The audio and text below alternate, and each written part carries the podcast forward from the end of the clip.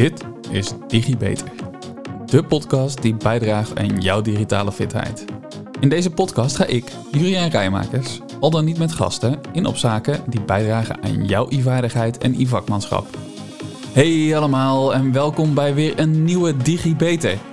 Dit is misschien wel de podcast waarmee ik had moeten beginnen.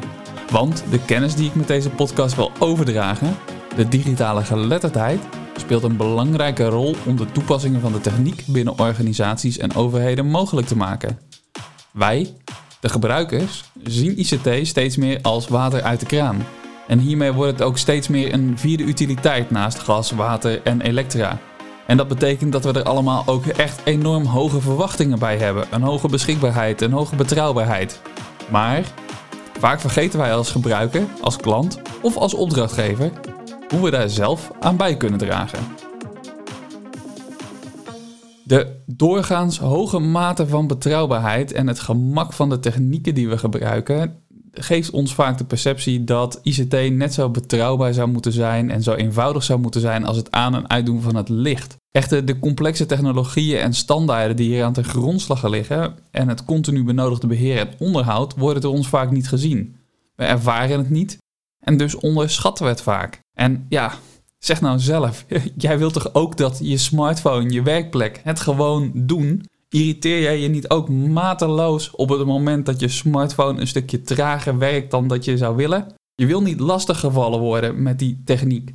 Jouw thuis, eh, ja, je tv thuis werkt ook zonder problemen. Deze manier van denken maakt ook dat leveranciers, inkopers, ontwikkelaars business analisten, contractmanagers, informatiemanagers het gebruikersgemak en de beleving meer centraal zouden moeten stellen om hier aan te kunnen voldoen. Het denken vanuit de klant, de gebruiker, is echter iets wat we nog niet zo vaak zien en doen. We redeneren liever vanuit functionaliteit. En dit is mede vaak ook waarschijnlijk omdat gebruikers regelmatig onvoldoende beschikken over de digitale geletterdheid, waardoor het stellen van gerichte eisen toch een stukje complexer is. Digitale geletterdheid is niet alleen de basiskennis, maar het bestaat ook uit informatievaardigheden, mediawijsheid en het begrip van hoe een computer werkt. Welke technologie zit erachter en hoe kan je nou dat ene probleem, als je er tegenaan loopt, zo formuleren dat het door computertechnologie opgelost kan worden, oftewel computational thinking. Nou, guess what? Het hele doel achter de podcast is natuurlijk om je digitaal vaardiger te maken. En hoewel ik het niet zo specifiek zal benoemen, zie je de eerder genoemde onderwerpen, zie je dus in thema's wel terug. Ik wil op een bepaald moment naast die brede basis ook graag wat dieper op de zaken ingaan. Masterclass podcast, om een bepaald onderwerp ook echt uit te diepen, zodat je daar ook echt de kennis van opdoet. Die digitale vaardigheden zijn namelijk de succesfactor voor de digitalisering in jouw organisatie. Maar ook bij je thuis kunnen ze je lekker op weg helpen. Toch leuk als die ontwikkelingen die er zijn je thuis ook kunnen helpen meer tijd te besteden aan datgene wat je leuk vindt. Ik ben zelf bijvoorbeeld heel erg blij dat ik niet meer elke week aan het stofzuigen ben, maar mijn tijd kan besteden aan een wandeling en nieuwe dingen ontdekken een half uurtje extra sporten en uitgebreid lekker koken, terwijl mijn robotstofzuiger gewoon rondjes door mijn huis kart. En ik moet ook zeggen dat het toch wel fijn is dat mijn vaardigheden op dit, uh, zo zijn dat, dat ik gewoon kan inloggen en mails kan ontvangen, lezen en beantwoorden. Maar ook mee kan komen in de nieuwe technieken en niet alleen maar bij die mails blijven hangen. Ondanks dat ICT niet altijd de hoofdmoot zal zijn van je werkzaamheden, is het goed als je weet hoe je ermee om kan gaan. Het ontwikkelen van die digitale vaardigheden die jou en je organisatie verder helpen. ICT is vaak onmisbaar en als je beter snapt waar je mee bezig bent, kan je ook zorgen dat het jou in je werkzaamheden kan ondersteunen en je werkzaamheden ook leuker kan maken. Kennis van ICT geeft je de kans om gerichter en beter vragen te beantwoorden. Vragen zoals: lukt het jou, je organisatie, mee te gaan in die digitale beweging van de markt, maar ook de digitale beweging van je eindgebruikers? Is je organisatie bestand tegen digitale dreigingen? Maar ook vragen van bijvoorbeeld je business analyst, informatiemanager, je contractmanager over bijvoorbeeld welke eisen zijn voor jou van belang om, je werkproces, om jou beter te ondersteunen in je werkprocessen. Of misschien nog dieper, hoe verandert de digitalisering de rollen in de keten waarin jij aan het werk bent en de waarde van jouw organisatie? Vandaag doe ik een aanzet van de business analyst rol en de uh, informatiemanagement rol om ja, te onderzoeken van nou, hoe zij jou beter kunnen helpen ondersteunen en hoe jij hen beter kan ondersteunen de juiste keuzes te maken. Zij willen namelijk doorgaans maar al te graag weten wat voor jou van belang is als gebruiker, zodat ze in een marktuitvraag de juiste vragen kunnen stellen. Het werken, samenwerken vanuit het probleem, de probleemstelling. En dan moet je het probleem even tussen aanhalingstekens zien. Helpt om betere aansluiting te vinden tussen, het, tussen vraag en aanbod. Daarbij kan het dus ook helpen in andere benodigde zaken, zoals impactanalyses die normaal gesproken daarna worden uitgevoerd, uitvoeringstoetsen. En dat is omdat je vanaf het begin af aan als vraag en aanbod al aan het samenwerken bent. Het gaat niet alleen dan om de functionaliteiten die je nodig hebt om je beter te helpen, maar ook het, om het proces beter te ondersteunen, het proces beter te begrijpen. Vragen ook rondom de technische kant, bijvoorbeeld eisen aan snelheid, benodigde uptime van een systeem, dus de tijd dat een systeem beschikbaar moet zijn, de momenten waarop het beschikbaar moet zijn, maar ook wanneer het oké is als het down is voor bijvoorbeeld onderhoud. Soms vergeten business analisten, inkopers of informatiemanagers in organisatie ook wel eens om dit soort dingen uit te vragen. En dan is het, gaan ze de markt op voordat ze je geconsulteerd hebben. En dan is het goed als je ze beet kan pakken en toch kan zorgen dat ze op de hoogte zijn van die digitale randvoorwaarden. Mee kan geven wat je nou daadwerkelijk nodig hebt. Vandaag dus een stukje voor die voorbereiding op die marktverkenning voor een nieuwe uitvraag. Want de voorbereiding is wel een van de belangrijkste zaken. Om goede kaders en richtlijnen mee te kunnen geven en dus ook de uitvraag goed te kunnen doen, is het nodig om iets te snappen ook van de basis van de projectmethode waarop vaak gewerkt wordt. Tegenwoordig is dat vaak de agile methode die gebruikt wordt in tegenstelling tot hoe projecten vaak eerst aangepakt werden op een waterval manier. En ik denk dat het goed is om beide even uit te leggen en een duidelijk beeld daarvan te geven. En dan zien we in de tijd wel waar we gaan eindigen met deze podcast. Want ja, ik wil hem eigenlijk toch graag op een half uurtje houden. Want anders krijg je waarschijnlijk een informatie overload. Dus als het dreigt uit te lopen, dan ga ik er gewoon de volgende podcast weer op door. Nou, de watervalmethode is, uh, dus de oude methode waar ik mee begin, is een heel planmatige methode ontwikkeling verloopt regelmatig en vloeiend. En ja, je kan het eigenlijk zien als water dat naar beneden stroomt. De, je gaat door verschillende fases heen. De fase van definitie, de fase van analyse. Uh, het maken van een verschillende ontwerpen. Een basisontwerp, een technisch ontwerp, detailontwerp. En vervolgens, uh, als je het zelf bouwt, dan ga je richting de fases van bouwen, testen, implementeren en integreren. Dan is vaak het project afgerond en dan is het beheren en onderhouden. Dus dat beheren en onderhouden is geen projectwerk meer. In die watervalmethode probeer je gedurende het traject tot je overgaat tot het beheer en onderhoud vooral te sturen op je scope. Een exacte oplevering en aan die scope wordt, bijvoorbeeld, wordt vervolgens een bepaalde hoeveelheid tijd en een bepaalde hoeveelheid geld gekoppeld om dat te realiseren. Die watervalmethode zie je ook vaak een beetje terugkomen in, die, in de plannen van de Tweede Kamer. Er is een probleem, dat willen we opgelost hebben. Hier is een zak met geld en we verwachten dat je dit ervoor oplevert. Er worden afspraken gemaakt en op die afspraken wordt gestuurd, wordt gemeten. En in deze traditionele manier van werken staat de scope dus vast. In werkelijkheid lopen zaken natuurlijk heel vaak anders. Tijdens een project komen er nieuwe eisen, bijvoorbeeld doordat er over gedebatteerd wordt of in de organisaties over overlegd wordt, over doorgesproken wordt. Die nieuwe eisen worden soms zo belangrijk geacht dat ze worden toegevoegd aan je project. En daar zie je een issue als je een vaste scope hebt. Namelijk, als je een vaste scope hebt, betekent dat je er niks meer aan toe mag gaan voegen. Daarbij heb je een bepaalde tijd en je hebt je hoeveelheid geld meegekregen en daar heb je het mee te doen. Je kan daarbinnen dus niet zomaar manoeuvreren eh, want iets extra's betekent meer geld en meer tijd die je nodig hebt. En omdat je scope groeit en alleen tijd en geld groeien niet mee, dan betekent het dus wel dat je ergens anders op zal moeten gaan inboeten. Ja, omdat je toch die flexibiliteit eh, nodig hebt om dan die, die scope uit te breiden. En waar je dan op gaat inboeten, dan is vaak de kwaliteit. En inboeten op kwaliteit is hetgeen waarvan vaak in projecten de problemen en de risico's uit voortkomen. Uiteraard wil je die problemen, die risico's, die wil je niet. Die wil je voorkomen. Je wil meer flexibiliteit. Want ja, in je project kan je ook bijvoorbeeld door de tijdgeest worden ingehaald. Dat er nieuwe ontwikkelingen zijn. En ja, als je een vaste scope hebt, kun je die ontwikkelingen niet meenemen.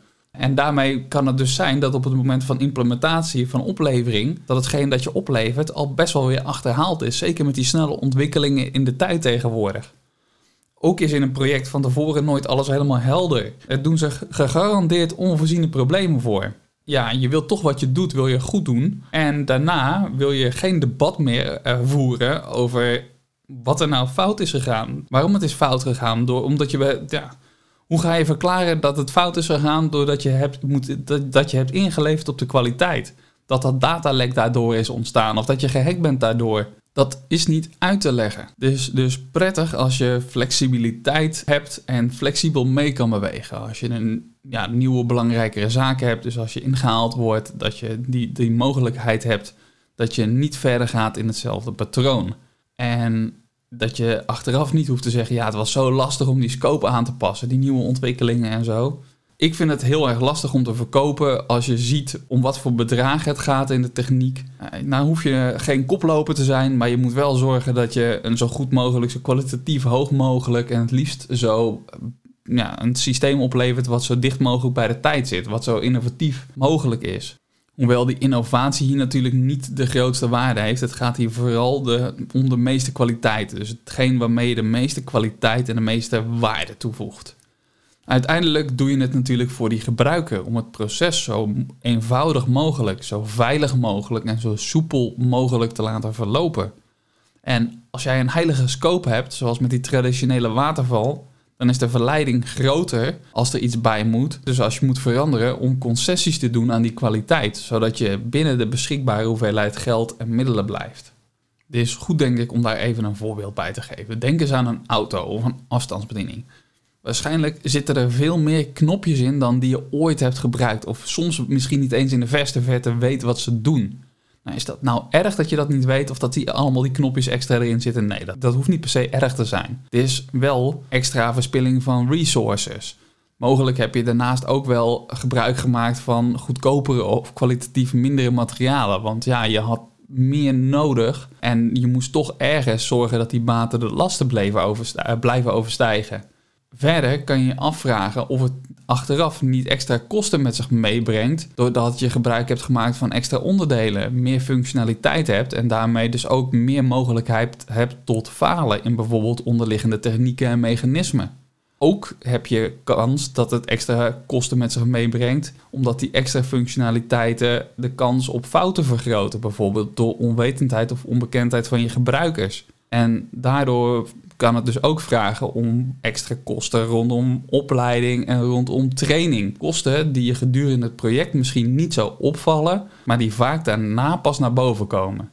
Is Agile dan de holy grail? Nee, absoluut niet. Agile is een stuk flexibeler. Het staat voor wendbaar en lenig. Maar bij onze interpretatie van Agile loopt het een en ander vaak toch nog wel uiteen. Mijn inziens waar het vaak al misgaat is in de randvoorwaarden. Agile betekent namelijk niet en je ziet het best wel vaak gebeuren, dat je zomaar aan de slag moet gaan met software of met het bouwen aan functionaliteit waarvan je denkt, nou, die zou passend zijn voor een gebruiker. Hoewel die agile methodiek uit de ontwikkelwereld komt en je tegenwoordig steeds meer off-the-shelf pakketten ziet die dan op een agile manier nog licht aangepast moeten worden, Ehm, is het zowel in de ontwikkel, vanuit de ontwikkelwereld als vanuit die directe aankoopwereld in beide gevallen toch nog heel erg belangrijk dat je van tevoren gaat kijken waar zijn nou de behoeften aan. Voordat je begint met bouwen, voordat je begint met je aankoop, moet je heel goed onderzoek doen naar wat is nou het probleem? Wat wil je gaan oplossen? Het proces dat je gaat ondersteunen en de bijbehorende behoeften en wensen scherp te hebben. En waarom doe je dat?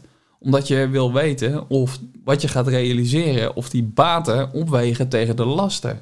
Het voordeel van de Agile methode is dat het wat kortcyclischer is. Vanaf het moment dat je overgaat tot bouw of implementatie, lever je telkens kleine stukjes functionaliteit op. En dat pas je toe en dan kijk je wat de volgende belangrijkste is. En over het algemeen geeft dat dus meer flexibiliteit binnen je project. Je focust op hetgeen dat op dat moment de meeste waarde, uh, meeste waarde oplevert voor je gebruikers, voor de processen waar je het voor doet. Dat is echter heel wat anders dan de functionaliteit die je nodig hebt niet goed uitwerken, niet goed scherp hebben. Het is wel van belang dat je natuurlijk gewoon dat einddoel in zicht hebt. En het enige wat agile betekent is dat je einddoel niet zo in beton gegoten is. Dus je hebt verschillende wegen om er naartoe te werken. En misschien uiteindelijk als je daar naartoe aan het werken bent, is dat einddoel wel een stuk veranderd. Er ligt dat in plaats van recht voor je wel schuin rechts voor je. Maar dus ondanks dat is het wel degelijk heel belangrijk om het einddoel op het moment dat je begint goed uit te werken. Dus op het moment dat je begint ga je de richting bepalen, ga je de juiste eisen stellen, de juiste probleemdefinitie, het proces uitwerken. Kijken waar je waarde toevoegt voor die gebruikers. Op welke punten moet jij werken, welke dingen moet jij aanschaffen om te zorgen dat die baten, die lasten overstijgen en dat het echt iets toevoegt voor je klant, voor je eindgebruiker. Je kan een, uh, bijvoorbeeld een DigiD kun je wel bouwen omdat je zegt van ja, we willen een systeem hebben voor de burgers om in te loggen. Maar werkt het wel volgens die burgers? Hè? Vinden die burgers dat wel de juiste toegevoegde waarde? Is dat waar ze behoefte aan hadden? Functioneert het goed voor je gebruikers? Heb je dat daar wel eens gemeten? En blijf je meten of het nog steeds op de juiste manier waarde toevoegt voor die gebruikers? Of zijn er intussen nieuwe methoden ontwikkeld? Nou is DigiD natuurlijk een ontzettend mooi en dankbaar voorbeeld, omdat zo'n beetje elke Nederlander dit heeft. Maar je zou dat bij wijze van spreken kunnen plotten op alles. Op je bankapp, je shopping apps, nou ja, noem maar op. Een agile project heeft dus altijd dezelfde stuurmiddelen als een watervalproject. Scope, geld, tijd en kwaliteit. Echter, in dat agile project draait het dus niet ineens meer om die scope, maar het draait om je flexibiliteit, om je kwaliteit voor je gebruikers. En dat betekent dus niet dat je daarmee dus in één keer meer geld nodig hebt of in één keer een stuk meer tijd nodig hebt. Nee, het enige wat het betekent is dat je focus meer ligt op waar kan ik de kwaliteit voor mijn gebruikers toevoegen. De kwaliteit zodat het proces zo goed mogelijk ondersteund wordt. Dat mijn gebruikers zo goed mogelijk ondersteund worden in het proces wat zij doorlopen uh, om hetgeen te bereiken waarvoor je aan het werk was. Ik kan dit denk ik ook nog het beste even illustreren met een, voorbeeld. Een voorbeeld waarbij ik wil doorgaan op de afstandsbediening die ik zojuist al even aanstipte bij de samen met de auto. En waar het ging dus over die extra knoppen. Stel, je scope is het maken van een hele afstandsbediening. Nou, we gaan het nu anders aanpakken. Want normaal gesproken zou je zeggen, ik wil een afstandsbediening. En die afstandsbediening moet knoppen hebben en die moeten er zo uitzien. Je bedenkt precies de functionaliteiten, hoe en wat.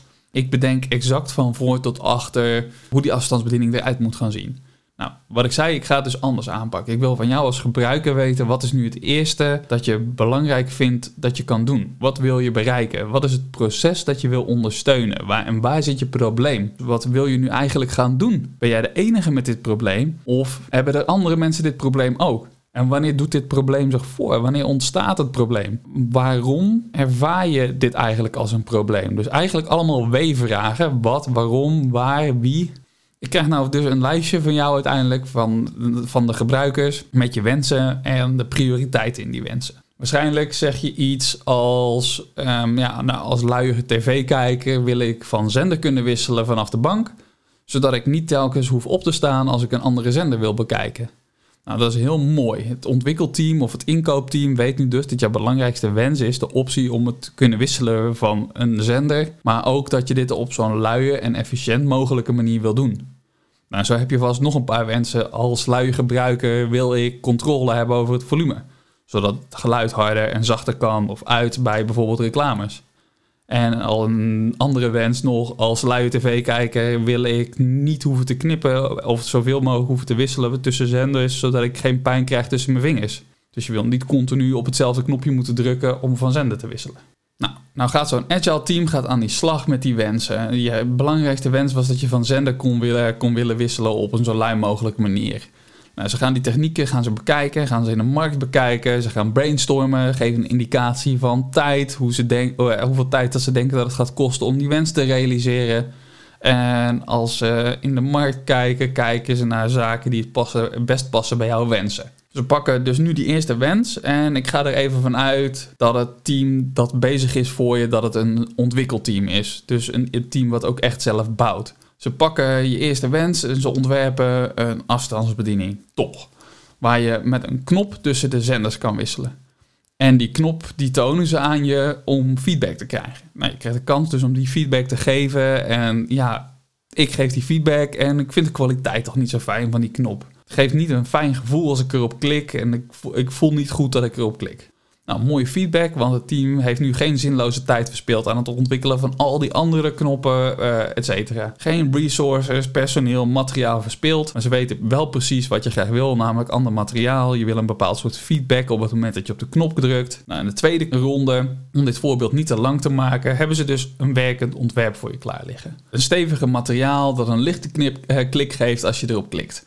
Nou, wat ik nog niet verteld heb, is dat er in die tussentijd toevallig ook een nieuwe techniek eh, beschikbaar is gekomen. Die je team zonder veel moeite kon implementeren samen met die knop. En je naast door de tv-zenders kun je dus nu ook tegen die afstandsbediening praten praat hier uh, even voor jou. Maar ja, hierdoor vind je die tweede wens uh, om het volume te kunnen regelen nog wel belangrijk. Maar eigenlijk die derde wens, dat je niet meer zo vaak hoeft te klikken, die is een stuk minder geworden. Dit geeft, hoewel het niet in de scope zat, heeft het je de kans om toch die scope uit te breiden, die scope aan te gaan passen. En één keer bedenk je, nou, het is toch wel handig dat er ook een fysieke knop komt waarmee ik in één keer al die apparaten aan en uit kan zetten. Dus die voeg je toe in plaats van die derde wijs die je, uh, een wens die je dus kan schrappen. Kortom, doordat, het, doordat je team niet verteld hebt, ik wil per se dit hebben, hebben ze gekeken wat voor jou de beste passende functionaliteit is. En als je die functionaliteit nu heel erg prettig vindt, kunnen ze gewoon verder gaan op diezelfde lijn en daarin doorwerken. Maar op het moment dat je het nou niet prettig vindt, is er ook weinig tijd verloren gegaan en kan er snel gekeken worden naar iets dat beter past en beter aansluit bij die behoeften.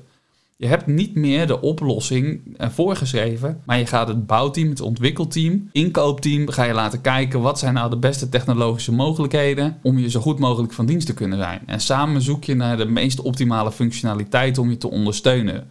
Ook zonder dat er over, uh, sprake is van een overdaad, zonder dat er sprake is van een teveel aan knoppen. Uiteraard wel op zo'n manier dat je binnen die tijd en binnen dat geld blijft. Die wensen heten in een agile wereld heten user stories. Dus als puntje, puntje, puntje wil ik zodat. Ze helpen je uh, je verwachtingen uit te drukken zonder dat je een exacte oplossing geeft. Het team gaat met die user stories voor je aan de slag en ze kijken naar oplossingen. Dat zijn dus oplossingen in de markt of dat zijn oplossingen die ze kunnen bouwen voor je.